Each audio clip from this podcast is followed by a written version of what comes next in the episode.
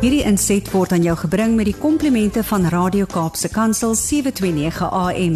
Besoek ons gerus by www.cape pulpit.co.za. Dag sê luisteraars. Ek is Erika de Tooy en ons gesels weer saam oor gestremdheid en die impak daarvan op individue, hul families en die samelewing. Aan die begin van die jaar wanneer die werk weer begin, kyk ons meer oor virtuele vergaderings en hul toeganklikheid vir persone met gestremthede. Hierdie virtuele vergaderings is meer algemeen as 'n jaar of 2 gelede en het in sekere opsigte persoonlike vergaderings vervang. Maar hoe gebruik persone met gestremthede hierdie platforms?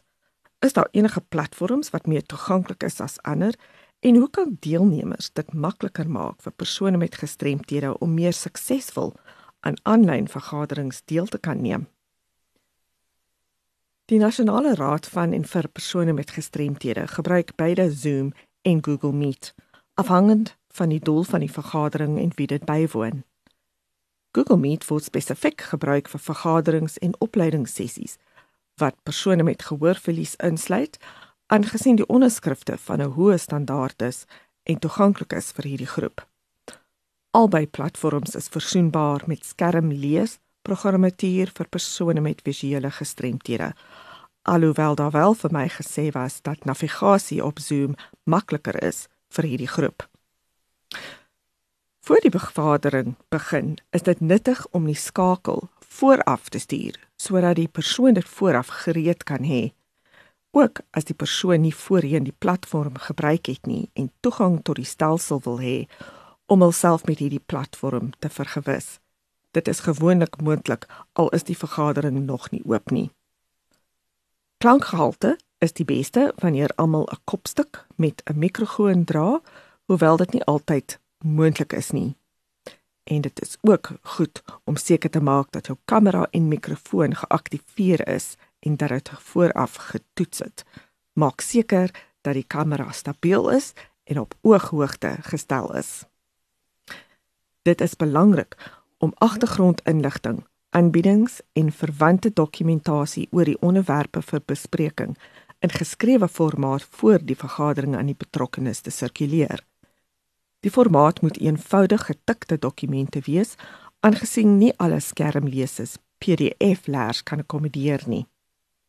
Helder kleure kan 'n uitdaging wees vir persone met swak sig om te lees, so gewone kleure is raadsaam en gebruik 'n gewone sans serif font soos Tahoma. Die aanbieders moet ook bewus wees van deelnemers se tipes verlies of gestremthede en voorbereid wees op uitdagings wat tydens 'n vergadering mag voorkom. Terwyl die vergadering of die opleiding aan die gang is, moet deelnemers hul hand opsteek wanneer hulle wil praat of met die steekhand funksie of jou hand lig sodat die voorsitter of die aanbieder jou 'n geleentheid kan gee om te praat. Hierdie is baie meer toeganklik vir mense wat die onderskrifte gebruik om die vergadering te volg of diegene wat van 'n SA gebaretaal tolk of lipspreker gebruik maak. Aangesien dit baie verwarrend raak om die gesprek te volg wanneer mense oor mekaar praat. En stel jouself voor voordat jy praat sodat diegene met sigverlies sal weet wie praat. Probeer vir my om voor 'n ligbron te sit wat dit sal 'n skadu oor jou gesig gooi en kommunikasie moeilik maak maak seker dat daar geen ekko is nie en vermy die gebruik van areas met houtvloere. Spraak of liplees is 'n groot uitdaging en selfs meer tydens virtuele vergaderings. So hou hande, hare en klere weg van jou mond en gesig. Moet ander nie onderbreek nie, weer omdat dit moeiliker is om van een spreker na die volgende te verskuif in 'n virtuele vergaderingssituasie. Oorweeg ook die voorsiening van lipsprekers indien nodig as 'n vorm van redelike akkommodasie vir diegene wat lip lees en nie gebaretaal gebruik nie. Gewoonlik gebeur hierdie volgende maar ek gaan dit tog noem dat alle deelnemers voorgestel moet word voordat die vergadering begin. Behalwe dat dit 'n goeie vergaderingspraktyk is, gee dit mense met gehoorverlies tyd om hul klank en toestelle aan te pas en georiënteerd te raak. En vir diegene met swak met sig gestremdheid om te weet wie die vergadering bywoon. Dit is altyd 'n goeie idee om te verseker dat jou mikrofoon gedemp bly totdat jy moet praat om agtergrondgeraas en steunisse te verminder.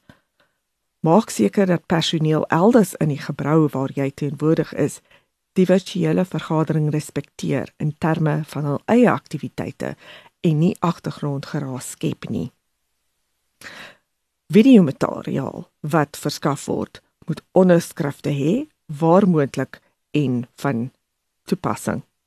Aanbieders moet beelde en foto's beskryf en verduidelik sodat deelnemers met siggestremdheid weet wat op die skerm verskyn. Lang vergaderings en gesprekke kan uitputtend wees vir diegene met kommunikasie-uitdagings en goeie beplanning is belangrik. Neem die vergadering op vir persone met gehoorverlies sodat hulle later weer daarna kan luister indien nodig. En wanneer jy in 'n kletsboks tik of die chatbox soos ons dit ken, wees bewus daarvan dat die skermlesers jou inskrywing lees sodra dit ingevoer word wat beteken dat iemand met 'n skermleser die aanbieder en die kletsboks boodskap gelyktydig sal hoor. Om hierdie rede, probeer om te wag totdat niemand praat nie voordat jy die teks in die kletsboks plaas nie. En dan na die vergadering is dit goed om die formele notule van die vergadering uit te gee aan alle betrokkenes. Selfs al word dit net die besluite wat tydens die gesprek geneem is aangeteken sodat deelnemers met gehoorverlies 'n akkurate weerspieëling van die vergadering verkry en kan kyk dat die betrokkenes geen belangrike inligting gemis het nie. Deur hierdie eenvoudige riglyne vir virtuele vergaderings te volg, sal dit wys dat u bereid is om almal by u vergaderings in te sluit en die ervarings aangename een maak vir alle betrokkenes. Weereens stuur gerus enige navrae aan my by awareness@wcapd.org.za of skakel my kantoor by 021 355 2881. Hierdie inset was aan jou gebring met die komplimente van Radio Kaapse Kansel 729 AM. Besoek ons gerus by www.cape pulpit.co.za.